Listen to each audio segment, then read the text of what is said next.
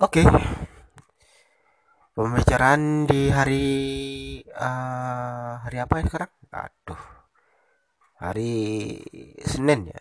Eh, Iya, pembicaraan di hari Senin tanggal 27 Januari 2020 mengenai hal yang begitu umum di kalangan orang, orang-orang, yaitu kerja dan juga loyalitas ya.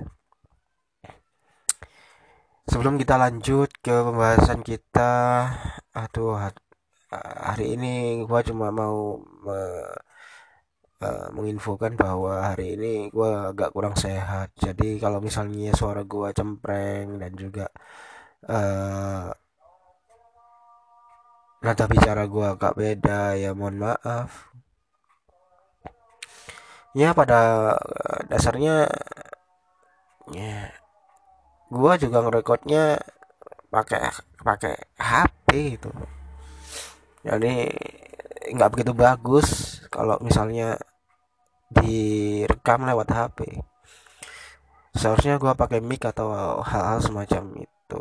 Jadi kalau misalnya kualitas suaranya agak jelek ya mohon maaf. Gue juga masih belum tahu uh, apa namanya software apa yang tepat untuk memperbaiki kualitas suara apalagi gue cuma punya HP laptop di rumah rusak. Waktu dinyalain rasanya uh, low of memory low of memory. Your computer is low of memory. Ya tuh itu susah kalau gua mau lanjut. Ketika gua pencet oke okay, eh malah mati. Ketika gua record lewat HP eh suara cempreng ya udahlah nggak masalah yang penting karyanya ya dan usahanya dalam berkarya oke lanjut um, hari ini adalah eh, hari ini kita bakal ngomongin soal kerja dan loyalitas. Kerja dan loyalitas itu adalah hal yang saling keterkaitan. Di mana seorang karyawan itu mendedikasikan waktu, eh, tenaga, dan juga pikirannya kepada perusahaan tanpa mengharapkan kembalian. Eh, kok kembalian sih? Apa? Imbalan. Ya udah seperti itulah. Jadi uh, seorang karyawan bisa dianggap loyal ketika mereka mencurahkan tenaga mereka waktu secara ikhlas jadi um, ya di kalangan uh, orang-orang uh, ini merupakan hal yang sangat berat dilakukan karena ya begitulah. Mereka masih memiliki kesibukan mereka sendiri-sendiri di luar jam kerja. Jadi agak sulit untuk di uh, diajak loyal. Biarpun lembur sekalipun yang pada lembur itu sendiri dibayar mereka masih begitu kesulitan untuk menerima jam kerja tambahan seperti itu karena pada dasarnya mereka punya juga waktu di luar untuk keluarga untuk teman untuk sebagainya ya. Agak susah untuk diajak lembur. Tapi lembur merupakan sebuah kewajiban karena ya karena lembur itu dibayar gitu loh. Kalau kamu nggak mau lembur ya nggak usah kerja di sini kan gampang kayak gitu semuanya tapi hal yang menurutku menjengkelkan itu adalah ketika yang disuruh lembur itu lulu aja itu itu aja nggak ada orang yang menggantikan dirimu untuk lembur ya ketika Uh, eh, gue pernah kerja di salah satu perusahaan outsourcing yang mana mengharuskan gue untuk uh, mendedikasikan waktu. Eh, enggak juga sih, gue dibayar waktu itu. Jadi lembur yang mana gajinya itu lebih sedikit dari gaji hariannya gitu. Di mana per jamnya itu lebih kecil daripada per jam gaji pokoknya. Ya itu adalah gimana ya perusahaan menghargai bahwa uh, karyawannya uh, ya gimana ya perusahaan menghargai kalau misalnya karyawannya itu sudah berkurang tenaganya fisiknya kemampuan ber, uh, daya apa namanya kinerjanya ya kan? Karena ya mau bagaimana lagi ini sudah waktunya pulang karena mereka sudah kecapean tentu saja tenaga mereka itu tidak ses seperti tenaga waktu dia pertama kali kerja ya pertama kali mulai kerja gitu loh di pagi hari ya perusahaan cuma membayar ini loh bayarannya. Tapi ya mereka tidak memperhitungkan bahwa waktu dan juga tenaga yang tersisa ini sebenarnya um, harus terpakai di tempat yang lain bukan di kerjaan. Dan ini merupakan suatu yang ekstra seharusnya dihargai lebih seperti itu kan. Tapi tapi perusahaan cuma memberi ya ya kalau tenaga lo segini ya harusnya gue bayar segini dong. Lo harus rela gitu.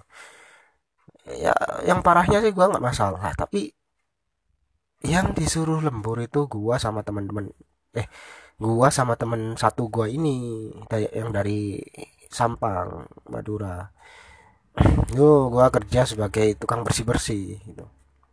Jadi um, lu ngebayangin ya kalau lu lembur lu kerja ya? Lu kerja di rumah sakit di sebuah rumah sakit. Seperti gua dulu gua kerja di salah satu rumah sakit di Surabaya. Dan gua sebagai tukang bersih bersih yang mana itu sungguh luas banget. Satu orang menghe uh, menghandle satu area. Jadi area yang mana area itu uh, area itu sungguh luas banget. Ya luas banget. Jadi ya ngerjain satu area seperti itu aja udah sungguh luas eh sungguh berat banget.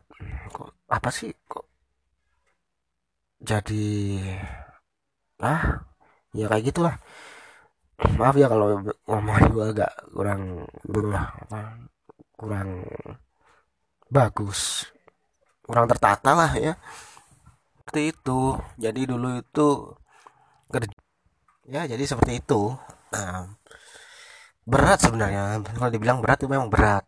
Karena kita disuruh untuk menghandle satu area yang luas dan itu pun membutuhkan waktu sekiranya tiga jam untuk diselesaikan. Tiga jam untuk diselesaikan.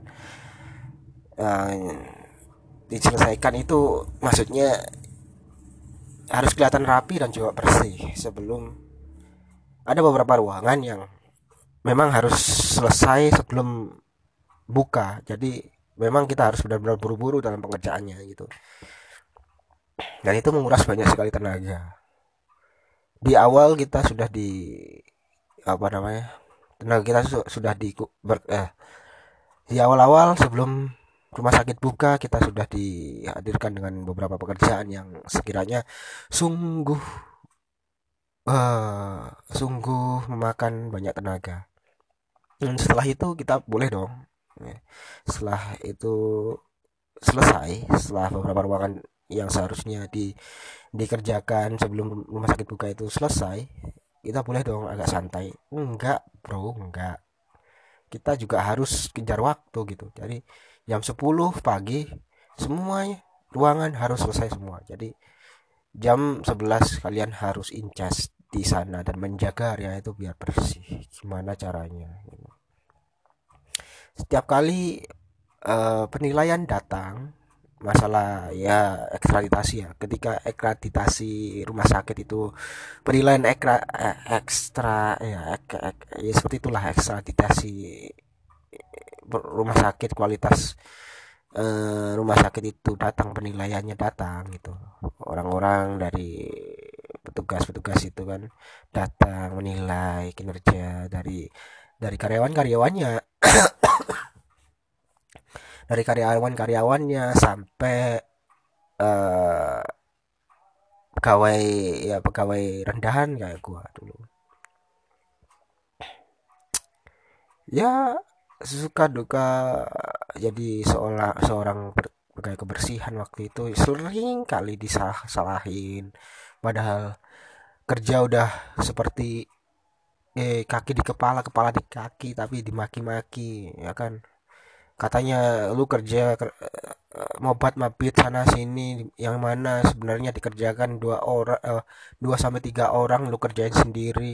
Rasanya semua itu nggak nggak ada nilainya di mata dia gitu. Jadi kita kita dimaki-maki kita nggak nggak niat kerja sering ngelewes. Padahal ya bayangin aja ruangan ya satu lantai loh satu lantai dihandle satu orang ya mau bagaimana lagi? Dan kondisi rumah sakit itu sudah sudah ramai nggak seperti waktu rumah sakit itu pertama kali buka gitu loh. Waktu rumah sakit pertama kali buka BPJS masih belum ada. Jadi masih sepi. Walaupun satu orang itu pun nggak seberapa apa namanya meng, meng, ngap ngapan gitu loh. Nggak nggak nggak begitu ngap ngapan jadi ah ya waktu lo kerja dan dan area tersebut dilihat masih kelihatan kotor lu lu ngebersihin di sana? Di sana bersih lu balik ke sini bersihin ini yang sana kotor lagi. Nah waktu itu apa uh, atasan datang dan meriksa area yang sudah gua bersihin dan area yang sudah gua bersihin itu kotor. Kotor gitu loh. Dan apa atasan gue itu beranggapan bahwa gue itu ngelewes. Nggak kerja. Santai-santai. Enak aja. Kalau memang gue santai-santai kerja nggak mungkin dong apa namanya apa yang sini bersih yang yang sini bersih yang sana kotor ya karena yang sana kotor karena gua tinggal gitu aja gua ngerjain yang ini gitu. ya mau bagaimana lagi orang satu disuruh ngerjain area yang situ luasnya apalagi orang bisa sampai ratusan duduk bang sampah di situ ya gua ngelakuin ikhlas ikhlas tapi kalau um, apa namanya di dicemooh seperti itu nggak dihargai kinerja kita nggak dihargai padahal kita nggak ngapain kerja. Rasanya juga sakit hati gitu. Ya gue belajar untuk bisa jadi orang yang ikhlas mungkin. Mungkin atasan gue ini belum pernah jadi ngerasain gimana susahnya jadi bawahan gitu. Jadi setelah dia direkrut dia langsung incas di posisi SPV langsung bertanggung jawab di posisi SPV, SPV tanpa pernah merasakan bagaimana susahnya jadi bawahan gitu. Susahnya seperti itu. Ya pada dasarnya atasan itu sendiri punya apa namanya punya um, punya karakteristik sendiri gitu. Beda beda beda. Jadi atasan itu ada yang baik ada yang benar-benar nilai kita itu dari kinerja kita baik buruknya kinerja kita secara pure ya. Nggak ada nggak ada yang lain gitu. Lu kerja ya lu gua nilai. Kalau kerjaan lu bagus ya gua, udah gua gua gua pasti lu aman gitu. Kalau kinerja lu jelek ya udah gua gua apa namanya jadi blacklist aja gitu. Lain kali lu bikin masalah gua tendang kan gitu terus ada lagi kin, apa atasan yang mengutamakan hubungan. Hubungan hubungan ya hubungan. Hubungan antara atasan dan bawahan. Pasti ada itu yang namanya atasan yang punya bawahan. Mereka punya hubungan yang sekiranya spesial ya kan? Akhirnya bawahan yang seharusnya diperlakukan sama dengan bawahan lainnya dispesialisasi kok dispesialisasikan. Maksud gue di anak emas kan gitu loh. Nggak sama seperti bawahan yang lain. Jadi pekerjaannya diringankan sedangkan yang lainnya di di dibebani. Ya udah kerjaannya dia di loh gitulah. Ada juga atasan yang menilai karena kecocokan hati. Yang mana gue apa atasan nyaman dengan karyawan ini karena enak diajak ngobrol bla bla bla seperti itulah. Dan akhirnya mereka uh, punya hubungan yang baik antara bawahan dan atasan di mana yang sebenarnya ada lagi atas deh ada sebenarnya ada ada lagi bawahan yang um, belum begitu cocok dengan atasan karena mereka hanya belum saling kenal aja gitu loh. Nah karena atasan gue ini kenal dengan dia atau atasan atasan ini kenal dengan dia akhirnya dia dia di di anak emas kan diistimewakan gitu. Di, kerjaan dia itu diringankan gitu nggak berat gitu dan apa apa kalau misalnya ada kesalahan atau apa nggak pernah ditegur cuma dikasih tahu ya ini seperti ini ya ini seperti ini oh jangan jangan ini Allah tapi kalau giliran karyawan yang lainnya uh, kalau giliran karyawan lain buat kesalahan atau apa dimaki-maki nggak karu-karuan coba ya. Ya, dulu ngera ngerasain ya maki-makian dari atasan itu bentuk dari balas dendam maki-makian atasanku dari atasan yang lainnya jadi atasan gua dimaki-maki sama atasannya atasan gua. Jadi atasan gua ini juga maki-maki bawahannya gitu gua gitu contohnya sebagai bentuk balas dendam gitu. Ya ya pada dasarnya memang sering seperti itu kalau sama gua sih keluar kuping kiri masuk kuping kanan keluar kuping kiri. Udah nggak usah didengerin. Yang penting apa kesalahan lu yang perbuat ya coba di apa namanya diperbaiki gitu aja. Jadi apa-apa yang sekiranya bikin panas hati ya udah dikeluarin aja gitu. nggak usah dimasukin. Yang dimasukin cuma apa namanya kritik-kritik menggelitik dari dari atasan lo gitu. Ya banyak sekali cerita yang terjadi di kalangan pekerja seperti halnya gua seperti tadi gitu. Kerja yang di mana lembur itu cuma gua gua teman gua yang satu gua teman padahal karyawan itu ada dua puluhan kenapa harus gua dan gua rasanya seperti apa namanya atasan ini berusaha untuk uh, melendang kita berdua gitu. Atau membebani kita berdua main aman gitu loh. Yang mana sebenarnya gua itu orangnya jujur-jujur aja. Kalau misalnya memang karya memang atasan gua kayak gini perusahaan memang kayak gini gua omongin gua nggak bakal ya kalau itu berimbas pada gua gitu loh gua harus menanggung akibatnya seperti perusahaan nih telat ngirim chemical ya. Terus ditanyain sama namanya ini apa namanya uh, ngirim chemical sama APD alat pelindung diri ya kan telat gitu. Malah nggak dikirim sama sekali. Terus ditanyakan oleh klien lo kamu kerja kok nggak pakai APD nggak pakai ini? Ya gue jawab ju dengan jujur ya karena perusahaan nggak ngirim nggak ngirim pada dasarnya. Belum dikirim. Kalau memang belum dikirim kan ada informasi oh ini ini tertunda. Tapi sampai detik itu juga sampai waktu di mana uh, barang APD itu seharusnya dikirim hingga akhir akhir uh, waktu batas akhir waktu di mana PD itu harusnya dikirim tapi nggak dikirim-kirim berarti ini memang nggak dikirim gitu. Jadi aku ngomong apa adanya kalau misalnya seperti ini. Ya agar agar apa? Agar perusahaan itu perusahaan ini perusahaan yang menyewa jasa kita ini uh, apa namanya uh, komplain. Kalau perusahaan komplain jadi ada tanggapan dong seharusnya ya seperti itulah ya memang manajemennya buruk sih menurutku. Dan itu menyengsarakan karyawan di, ba di bawah gitu karyawan yang ada di lapangan gitu. Ya bayangin aja kalau lu kerja nggak pakai APD apalagi lu tukang bersih bersih di rumah sakit. Kalau lu kena jarum suntik kena HIV gimana coba?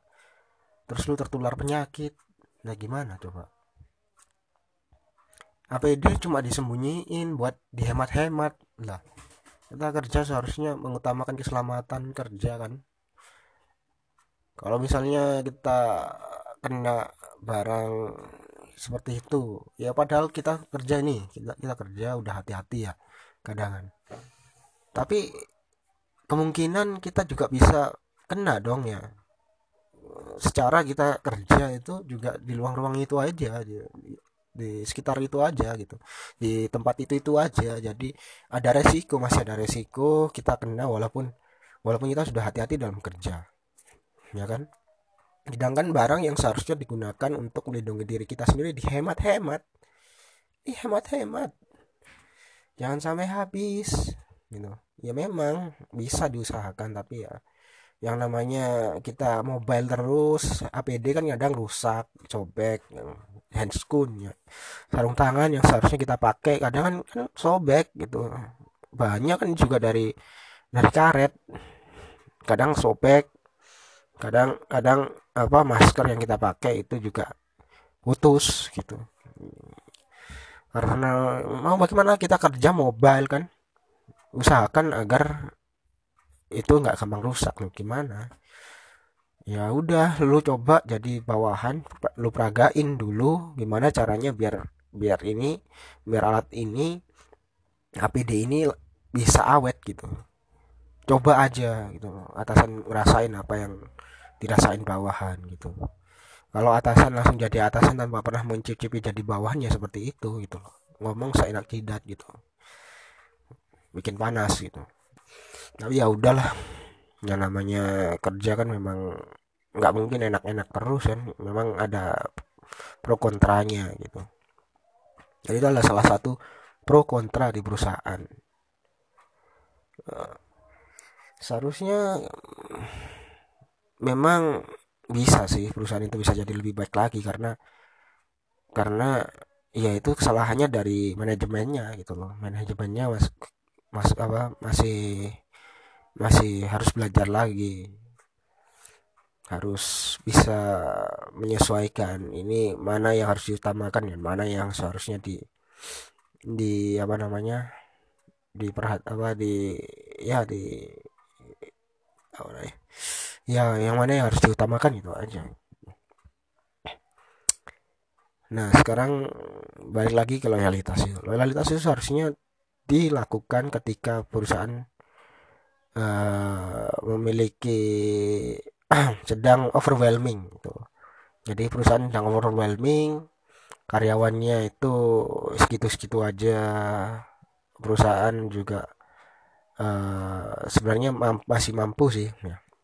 masih mampu dalam taraf uh, dalam taraf ketika karyawannya itu masih kerja dalam kemampuan, maksudnya walaupun uh, overwhelming atau kewalahan tapi karyawannya masih bisa me, apa namanya mengatasinya gitu. Tapi walaupun begitu pastilah ada saat ketika karyawan itu sudah mulai kelelahan sangat kelelahan sangat di, di, mencapai titik di mana mereka seharusnya istirahat gitu. Dan kita seharusnya sebagai karyawan yang sudah di luar jam kerja harusnya pengertian terhadap uh, rekan kerja kita yang sudah kelelahan itu. Nah, akhirnya kita gantiin mereka. Lo ya udah lo lo istirahat dulu lah biar biar gue yang ngerjain gitu. Uh, toh gue di rumah juga nggak ngapa-ngapain pulang. Timbul lah simbiosis mutualisme ketika kerja. Kalau misalnya enak diajak kerja sama. Perusahaan juga memiliki apa eh, salary yang bagus. Jadi karyawannya mudah untuk loyal gitu. Salary salarynya bisa dikatakan cukup. Cukup walaupun tidak dikasih lemburan sekalipun tapi salarynya cukup untuk makan minum kebutuhan lainnya kebutuhan mendadak dan kita ini sebagai pekerja ya gitulah. Jadi